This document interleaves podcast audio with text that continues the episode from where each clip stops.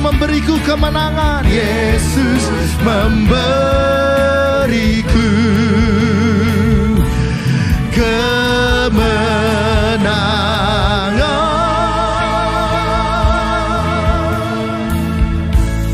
Terima kasih Tuhan. Sebab kami adalah orang-orang yang menang. Karena engkau yang memberikan kemenangan kepada kami. Maka ketika kami mengarungi menjalani kehidupan kami. Kami sedang berlomba, berjuang. Maka perjuangan kami itu bukan untuk meraih kemenangan. Tetapi keluar dari kemenangan yang Kristus sudah berikan kepada kami. Untuk itu ya Tuhan kami bersyukur kepada Tuhan. Karena di hari Minggu, hari perhentian ini Tuhan kumpulkan kami. Untuk kami sekali lagi bisa mengalami Tuhan. Merasakan bahwa Tuhan kau mencintai kami begitu dalam. Sehingga apa pun hari ini yang sedang kami alami dalam kehidupan kami. Kami hanya mau tahu satu hal. Bahwa semua hal yang kami alami tidak akan pernah dapat memisahkan kami dari cinta dan kasih Tuhan kepada kami semua. Terima kasih Tuhan. Setar kami akan membaca dan merenungkan firman Tuhan. Biarlah engkau berbisik lembut ke dalam hati kami. Sehingga ketika firman-Mu berbicara ke dalam hati kami. Kami dikuatkan. Kami disadarkan. Kami dipersiapkan untuk menghadapi tantangan-tantangan yang ada di depan kami. Terima kasih Tuhan. Terima kasih karena Engkau tetap memegang tangan kami. Ini doa kami, kami akan syukur kami di dalam nama Kristus Yesus Juru Selamat kami, kami berdoa. Mari semua kita yang percaya katakan, amin. Silakan duduk Bapak Saudara. Shalom Bapak Saudara, selamat pagi. Apa kabarnya? Terima kasih untuk jawabannya. Saudara, pagi hari ini kita akan sama-sama masih membahas uh, berkaitan dengan firman Tuhan yang menjadi dasar pedoman hidupan kita. Dan hari ini kita akan bahas satu tema yang secara spesifik akan berbicara tentang apa itu kebenaran.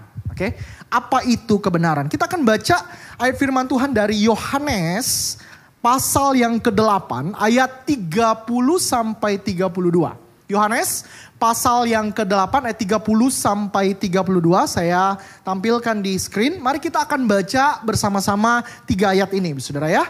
Yohanes 8 ayat 30 sampai 32 12 ya. Setelah Yesus mengatakan semuanya itu banyak orang percaya kepadanya.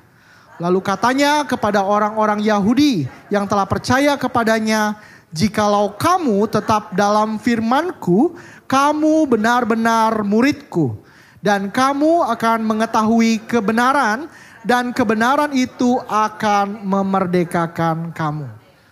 Saudara, saya ingin mulai dengan satu cuplikan, satu kalimat dari seorang yang uh, menurut saya dalam minggu ini menjadi perbincangan di semua uh, social media, di semua uh, stasiun televisi juga membicarakan hal ini. Nah, kita akan uh, nonton sama-sama ya, cuplikan singkat daripada kalimat yang dia ucapkan. Yuk, silakan. Ada kesan ketidakbenaran di sini. Ada pihak tertentu mungkin yang menginginkan bahwa pokoknya Jessica harus salah. Sebab kalau tidak, kenapa semua orang tidak mau fair-fair aja? Ya kan? Saudara, ini adalah satu cuplikan yang saya ambil dari TikTok tentunya. Ada satu cuplikan dari sebuah film dokumenter yang baru saja dirilis di Netflix. Judulnya Ice Cold Murder, Coffee and Jessica Wongso. Dari yang nonton? Belum, ya. Berarti tidak tahu nih kericuhan yang sedang terjadi. Sibuk cari ini ya, cari cuan ya. Setelah ini lagi rame sekali satu minggu ini kalau saudara lihat sosial media pasti ketemu ini. Nah yang tadi, yang dibicarakan tadi, yang ngomong itu seorang eh, pengacara terkenal ya, eh, namanya Bapak Otto Hasibuan. Ya, dia menjadi pengacara Jessica yang dituduh sebagai pembunuh daripada uh, uh, Wayan Mirna uh, karena dimasukkan uh, racun sianida gitu ya. Rame. Padahal Kejadian itu sudah dari tahun 2016. Udah berapa tahun yang lalu. Tapi kemudian rame lagi karena kemunculan film dokumenter ini. Ya. Nah, Film itu seolah-olah ingin mempertanyakan kembali keputusan pengadilan yang memutuskan bahwa Jessica bersalah. Jessica yang melakukan pembunuhan berencana terhadap Wayan Mirna dengan menuangkan racun sianida ya ke dalam es kopi yang dipesannya. Ya. Dan di dalam film itu, wawancara itu pengacara Otto Hasibuan itu mengatakan kalimat tadi, ada ketidakbenaran. Ada ketidakbenaran di sini. Ada pihak yang seolah ingin menginginkan bahwa pokoknya Jessica yang harus salah. Ini kalimat pokoknya ini bahaya nih. Ya. Suami-suami kalau udah dengar istri ngomong pokoknya. Nah, ini kabar buruk nih. Ya, karena harus jadi itu. ya, pokoknya. Nah, saya tampilkan ini saya tidak sedang menggiring opini publik ya, Saudara ya. Ini apa yang terjadi rame di di apa di media hari ini. Oke. Tetapi yang saya ingin soroti adalah begini. Di satu pihak ada orang yang, ada sebagian pihak yang kemudian bilang begini. E, bener gak sih keputusan itu? Tapi di, di pihak yang lain, mereka mengatakan pasti dia orangnya. Sehingga hari ini publik itu dibagi menjadi dua kubu. Ya. Sehingga publik bertanya-tanya sekarang, sebenarnya siapa yang benar. Kita kan bingung jadi sekarang, siapa yang benar? Kalau bapak saudara pro yang uh, apa namanya yang Jessica, saudara pas bukan lah, bukan kemungkinan bukan dia. Ibu saudara mungkin pro yang satu akan bilang uh, pasti Jessica. Ini jangan sampai jemaat GKBY terpecah gara-gara ini nih. Terkeluar dari ruangan ibadah nggak ngomongan gitu ya. Saya dicemberutin nanti. Ya. Jadi pertanyaan yang ingin ditanyakan adalah begini. Siapa sih yang benar? Dan hal itu membuat saya berpikir bahwa ternyata topik ataupun pembicaraan tentang kebenaran itu menjadi sesuatu yang sangat esensial sekali dalam kehidupan kita. Kebenaran itu, kebenaran itu, saudara menjadi sesuatu yang sangat penting sekali. Karena kebenaran menjadi sebuah fondasi kehidupan kita sebagai manusia, baik secara personal maupun juga dalam hidup bersama. Ya. Kenapa jadi rame?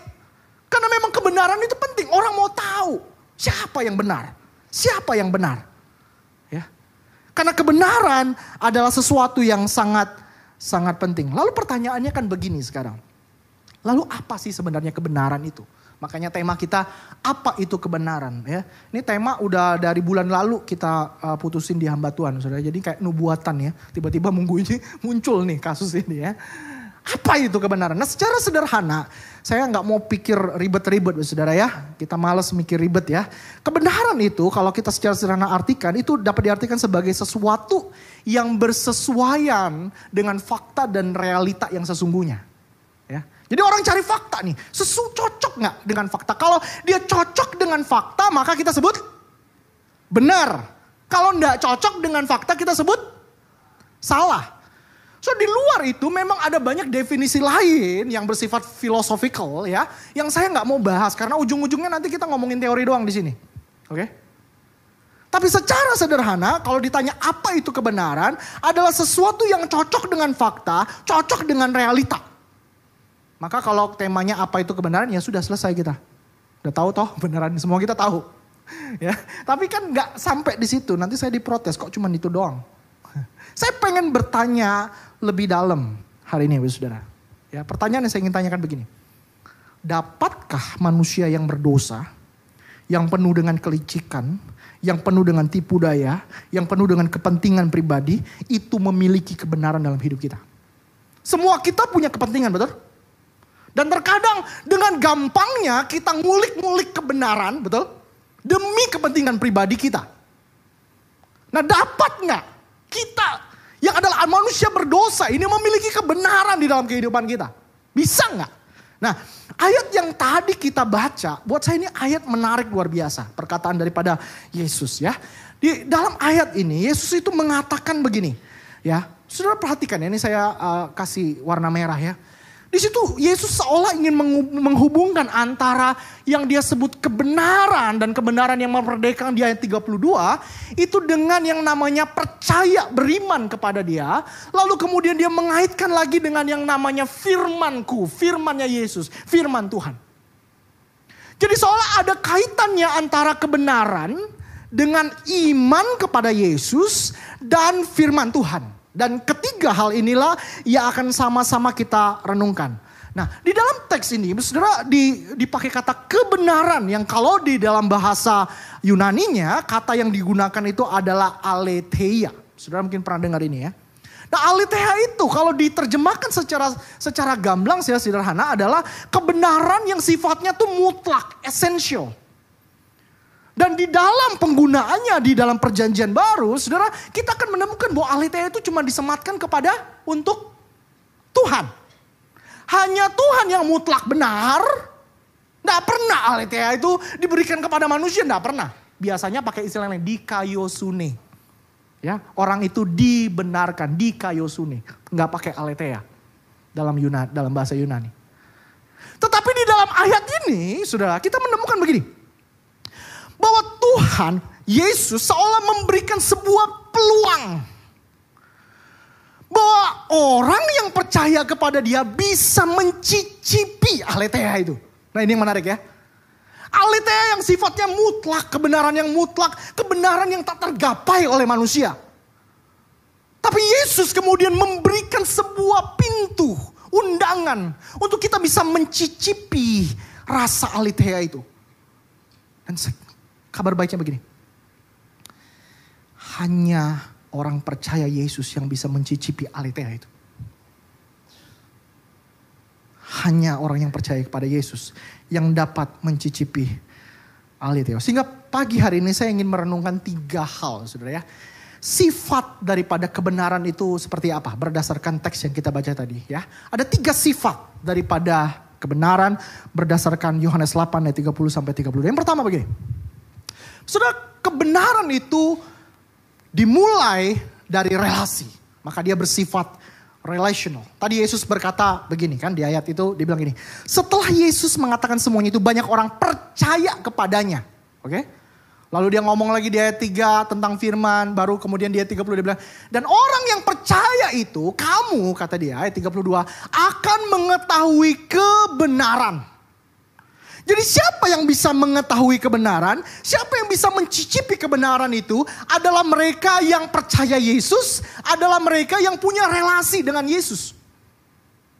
Hanya mereka yang punya relasi dengan Yesus yang bisa mencicipi kebenaran itu. Yang bisa mendapatkan memeluk berdampingan dengan kebenaran itu. Kenapa? Yohanes 14 ayat 16, eh, ayat 6, saudara tahu bunyinya? Yohanes 14 ayat 6. Ayo nggak apal. Ah itu ada yang ngapal ya, yuk dibuka boleh. Yohanes 14 ayat 6 bilang begini. Yesus berkata apa? Akulah jalan dan kebenaran. Ya digunakan kata ahlitheia dan hidup. Jadi itu Yesus bilang begini, aku itu sang ahlitheia. Aku itu sang kebenaran. Kalau Allah itu tak tergapai, kebenarannya mungkin tak terbayangkan. Tapi waktu Yesus berinkarnasi, maka kebenaran itu dapat disentuh. Dia bilang, aku adalah sang aletheia itu. Aku adalah sang kebenaran itu. Dan hanya di dalam aku, dalam relasi dengan aku, engkau bisa mengetahui, mencicipi yang namanya kebenaran. Itulah sebabnya, saudara kita yang percaya Yesus disebut orang yang dibenarkan. Ya. Jadi kita pasif. Kebenaran itu tidaklah sesuatu yang kita gapai dengan usaha kita, tetapi sesuatu yang diberikan sebagai anugerah untuk kita. Itulah sebabnya kalimat digunakan dibenarkan. Bukan usaha kita, tapi anugerah daripada Tuhan. Sehingga di dalam relasi kita dengan Allah itulah kemudian identitas kita diubahkan. Dari seorang berdosa yang bersalah kemudian dibenarkan di dalam relasi dengan Kristus. Seorang pendeta namanya Mark Driscoll, saudara pernah mengatakan satu kalimat begini. Dia bilang, As Christians, we live from our identity. Kita hidup dari identitas kita, not for our identity, bukan untuk identitas kita. Kita didefinisi, we are defined by who we are in Christ. Waktu kita di dalam Yesus, kita dilihat berada di dalam Yesus. Not what we do or fail to do for Christ. Christ defines who we are, ini yang menarik nih. Christ defines who we are by who he is. Bayangkan. Kita itu dilihat Kristus melihat kita mendefinisi kita ya dengan cara apa? Dengan cara melihat siapa dia. Karena dia sang kebenaran waktu kita ada di dalam dia. Oke, ya dia sang kebenaran, kita ada di dalam dia, maka yang dilihat siapa? Kristus yang melingkupi kita. Kita dilihat sebagai yang benar, orang benar. Sehingga hari ini waktu kita berbicara tentang kebenaran yang bersifat relasional itu, kita berbicara tentang begini. Bahwa saya itu punya identitas sebagai orang yang udah dibenarkan. Maka hidup saya harusnya keluar dari identitas itu. Waktu kita mencoba hidup benar bukan karena kita mau dibilang benar, bukan. Tapi karena kita sudah dibenarkan. Waktu kita sebagai suami mau hidup dengan identitas, keluar dari identitas kita sebagai suami, seorang suami yang sudah dibenarkan oleh Kristus, kita nggak sedang berusaha dengan usaha kita untuk jadi suami yang yang nanti dapat predikat suami yang terbaik, terbenar, enggak. Karena saya tahu Kristus sudah memenangkan saya. Kristus sudah membenarkan saya. Maka anugerah Tuhan itu mendirect saya untuk tampil dengan benar. Memperlakukan istri saya dengan benar. Mengasihi dia dengan benar. Mencintai kita dengan benar. Istri tahu bahwa dia adalah seorang yang sudah dibenarkan keluar dari identitas dia. Jadi mau apa pun. Tinggal laku kita. Mau apa pun peran kita di tengah-tengah dunia ini. Semua keluar dari identitas kita. Bahwa saya dibenarkan, maka saya harus hidup itu. Sesuai dengan identitas saya. Itu bukan usaha kita, habis saudara. Bukan usaha kita. Maka apa pun yang kita lakukan, semuanya harus keluar dari identitas kita. Sebagai orang yang ada di dalam relasi dengan sang alitea, sang kebenaran. Kita berada dalam relasi sang alitea. Kebenaran mutlak yang tak tergapai itu. Tapi kita berikan kesempatan betapa besarnya anugerah kita.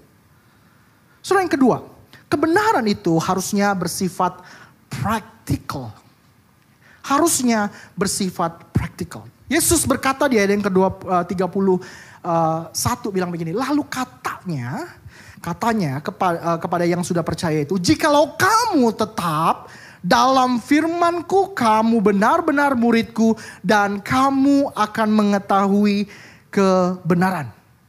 Maka Yesus sedang mengidentikan aletheia dengan firmannya bahwa kita hanya dapat memiliki, mencicipi kebenaran ketika kita apa? Tinggal tetap dalam firmannya. Kita tetap di dalam firman Tuhan itu tetap berada di dalam bagian kita. Secara sederhana, saudara ya, kata tetap di dalam, kata tetap di dalam, atau dalam uh, tulisan Yohanes lagi dia bilang begini, akulah pokok anggur yang benar, okay? kamu harus tinggal di dalam aku, atau abide, ya. Itu menunjukkan ada sebuah proses yang berkelanjutan. Ya. Kita nggak akan bilang kita menetap di hotel tempat kita berlibur, nggak ya. Kita cuman liburan di sana, betul? Tapi waktu kita berada di rumah, kita bilang, kamu menetap di mana? Saya menetap di Jakarta, rumah saya di uh, Gading Kirana misalnya. Kita menetap di sana. Nah, itu proses yang berkelanjutan, saudara ya. Jadi kita, jadi kita nggak cuman sekedar memiliki firman, tetapi firman itu harus terus secara terus menerus kita hidupi. Harus secara berkelanjutan menjadi kehidupan, menjadi bagian dalam kehidupan kita. Mau siang, pagi, sore, malam, harus menjadi bagian kita. Firman Tuhan tidak boleh hanya menjadi bagian hidup kita cuma di hari Minggu. Senin sampai Sabtunya kita lupa. Nggak bisa. Kata Tuhan, kalau kamu mau berada dalam relasi dengan Alitea, harusnya kita yang sudah berada dalam relasi dengan Alitea, sang kebenaran itu, Harusnya firman itu menetap secara continual. Firman itu harus ada di dalam kehidupan kita. Sudah berapa minggu yang lalu itu kita hamba-hamba Tuhan ketemu dengan uh, Pastor Joy dari Filipina. Nah, Pastor Joy itu sharing di antara kita hamba-hamba Tuhan. Terus dia tanya satu kalimat ini. Saudara setuju nggak dengan kalimat ini? Boleh next slide. Next slide boleh.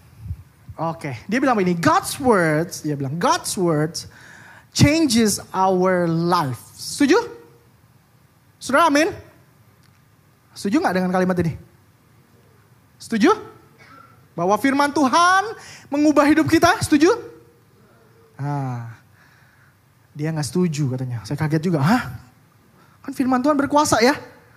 Lalu dia dia tambahkan kalimat ini.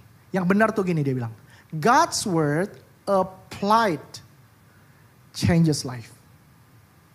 Firman Tuhan itu kalau cuma kita simpen doang, nggak kita lakukan, nggak kita hidupi, nggak kita kerjakan secara praktis, ya hidup kita nggak berubah. Kapan orang di samping kiri kanan kita, suami istri kita, kemudian lihat kita kayak, ih hidupmu berubah ya kapan? Waktu kita melakukan, menghidupi firman Tuhan itu secara praktis. So God's word applied. Itu yang mengubah kehidupan kita. Firman Tuhan itu tidak boleh disimpan.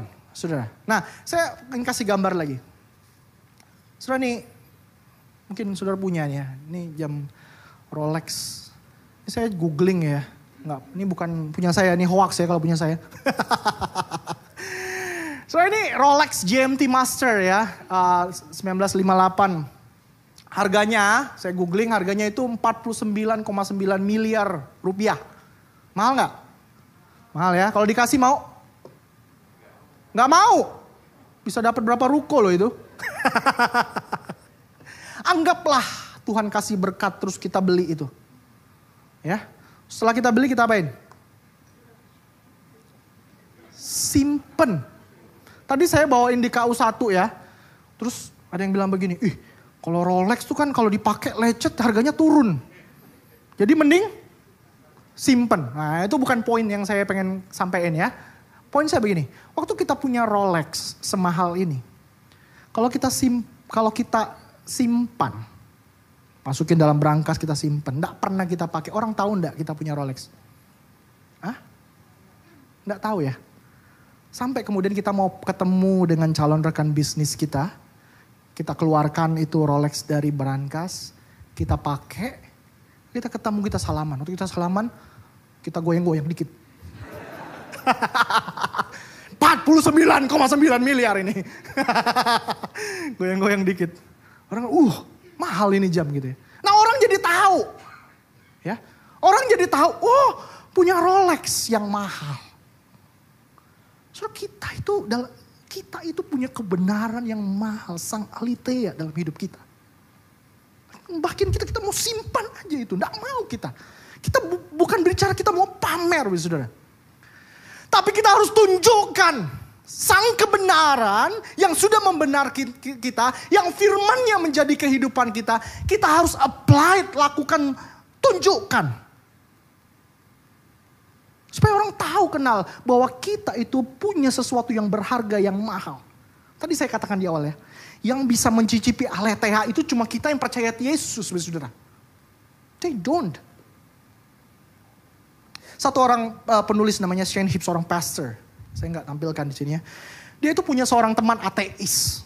Lalu dia bilang begini, setelah dia bergaul dengan temannya yang ateis, yang nggak percaya Tuhan. Dia bilang begini, saya lihat bahwa Teman saya itu nggak peduli loh. Apakah saya itu percaya sama surga neraka? Dia nggak peduli. Dia nggak peduli juga tentang kehidupan after kematian ya. Eh, kehidupan setelah kematian tuh kayak gimana. Dia nggak peduli dengan dengan apa yang saya percaya. Tapi yang dia peduli adalah apa yang iman saya bisa kerjakan here and now, sekarang ini. Saudara punya tetangga. Seringkali tetangga kita kan nggak tahu apa yang kita percaya, betul? Yang dia tahu apa?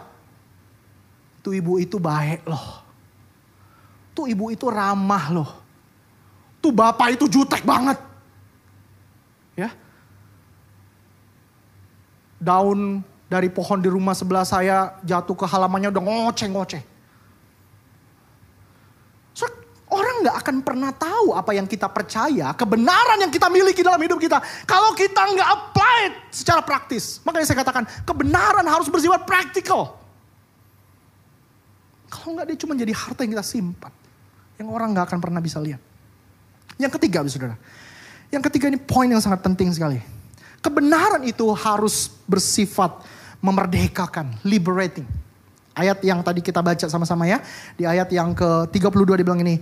Dan kamu akan mengetahui kebenaran. Dan kebenaran itu akan memerdekakan kamu. Kebenaran itu akan membebaskan kita. Kebenaran yang yang ting ketika kita tinggal di dalam kebenaran itu, kebenaran itu akan memerdekakan kita. Nah, apa maksudnya ini, Saudara? Apa maksudnya? Saya coba cari ilustrasi yang dekat dengan itu saya ketemu. Selain daripada cerita ini, balik lagi ke ice cold tadi. Sekali lagi saya disclaimer ya, saya nggak pro kiri dan kanan ya. Tapi kalau ini benar, buat saya ini story yang menjadi sesuatu story yang sangat powerful sekali. Kalau benar ya. Tapi kita mau ngambil ini menjadi sebuah sampel ya. Cerita tadi ya, setelah muncul di Netflix Ice Cold Murder Coffee and Jessica Wongso. Lalu kan kemudian yang paling fenomenal kan si Bang Otto Hasibuan ini kan. Dipanggil lah dia kan, wawancara sama Deddy Kobusher. Saudara mungkin ada yang nonton ya. Lalu ada satu cerita yang dia sampaikan di podcastnya Deddy Kobusher yang menurut saya itu sesuatu yang sangat powerful. Nah daripada saya nggak salah ngomong, kita nonton dulu sebentar ya. Kita nonton, yuk. Saya terus terang kalau gini saya menangis. Tiga tahun yang lalu ketika Jessica di sudah menjalani hukuman. Saya tanya sama Jessica, Jess, walaupun di dalam hati saya juga gak boleh saya katakan tapi saya coba memancing atau memang menyatakan waktu itu saya gundah sekali. Saya kasih lihat kamu di dalam penjara. Mungkin Jess, saya bilang, siapa tahu saya bisa yakinkan presiden atau siapa pihak-pihak tertentu. Ajukanlah gerasi. Kalau kau gerasi, siapa tahu diterima supaya kau bebas. Apa dia bilang? Apa syaratnya? Syaratnya kamu harus ngaku minta ampun. Nggak mau. Dia bilang, Nggak mau. Om, katanya, saya tidak mau gerasi. Saya tidak mau mengakui melaku, mengakui sesuatu yang tidak pernah saya lakukan. Kalau begitu saya kamu di sini. Mau 10 tahun lagi, 20 tahun lagi saya jalani terus. Karena saya tidak mau, bukan pembunuh. Saya tidak pelakunya. Itu yang saya gak kuat. Berapa hari yang lalu, saya datang lagi. Siapa tahu berubah. Waktu itu kan mungkin baru dua tahun dialaminya belum sakit. Belum parah gitu. Ini sudah bertujuh tahun. Saya tanya lagi kembali. Hal yang sama dia jawab. Om, jangan tanya itu lagi. Saya tidak mau katanya. Saya tidak akan mau mengakui sesuatu hal yang saya tidak pernah lakukan. Dia bilang. Saudara, buat saya ini hanya sebuah gambaran. Kalau ini sesuatu yang benar. Saya ini powerful. Kenapa? Karena mereka dapat memenjarakan tubuh. Tapi mereka tidak dapat memenjarakan yang namanya kebenaran. Iman, kasih, sukacita. Di dalam diri kita. Kalau kita punya kebenaran, Bapak Ibu Saudara, dengarkan kalimat ini. We are free to choose and to speak. Right? Tapi kalau kita punya sesuatu yang memenjarakan kita, salah.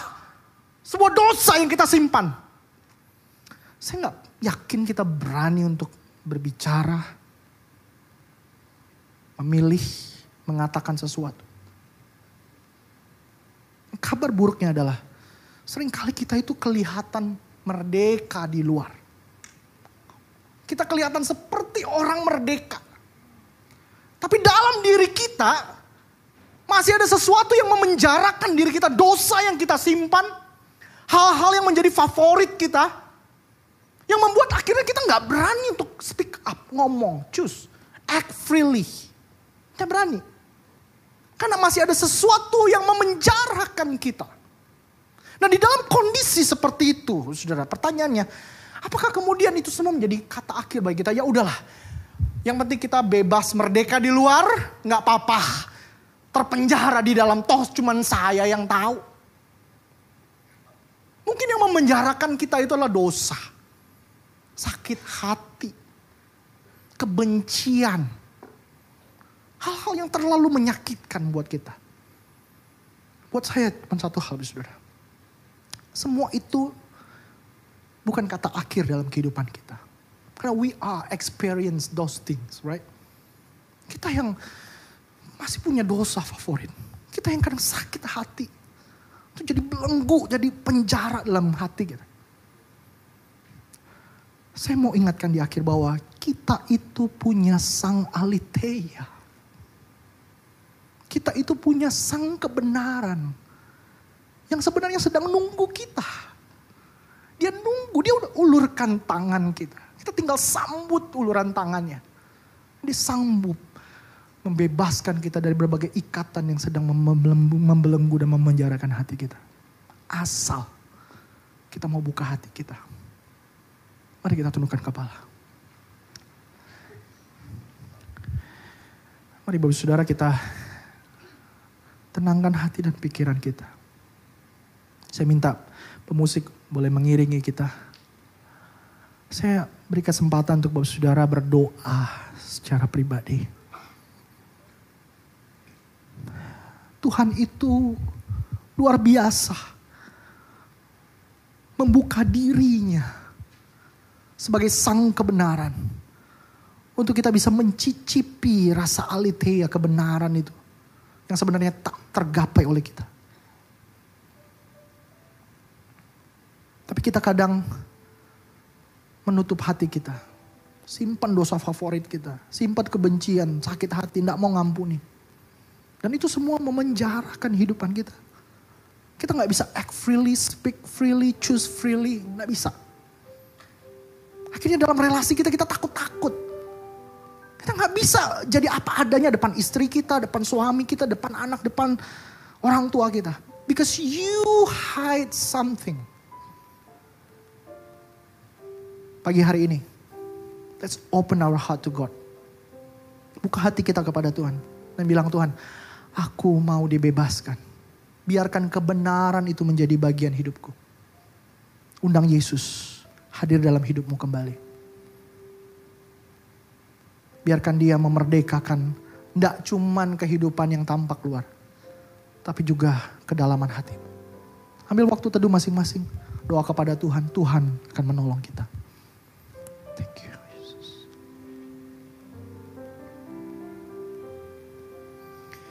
Bapak, kami ini semua umat yang rapuh. Umat yang sering kali gagal dan gagal padahal anugerah Tuhan bagi kami itu udah gedenya luar biasa. Kau lihat kedalaman hati kami. Dan kadang kalau kami belajar terbuka dengan hati apa yang ada dalam hati kami yang terdalam. Kami merasa jijik dan kotor Tuhan. Tuhan kau ampuni kami sekali lagi. Dan biarlah Kristus membebaskan kami. Memerdekakan kami. Engkaulah sang kebenaran itu. Dan biarlah kami bisa mencicipi lagi dan menikmati lagi dan hidup lagi di dalam kebenaran itu. Karena engkau menggandeng tangan kami, berjalan bersama dengan kami. Tuhan engkau yang murnikan kami.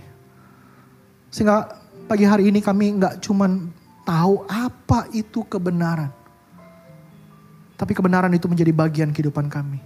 Menjadi sesuatu yang kami nikmati dalam relasi kami. Menjadi sesuatu yang secara praktis kami lakukan dan yang memerdekakan kami dalam keseharian kami. Terima kasih untuk firman Tuhan yang luar biasa. Yang kau tuliskan, yang kau titipkan kepada kami. Biarlah kami bisa menjadi pelaku-pelaku firman. Demi Kristus Yesus Juru Selamat kami kami berdoa bersyukur padamu. Haleluya. Amin. Tuhan berkati.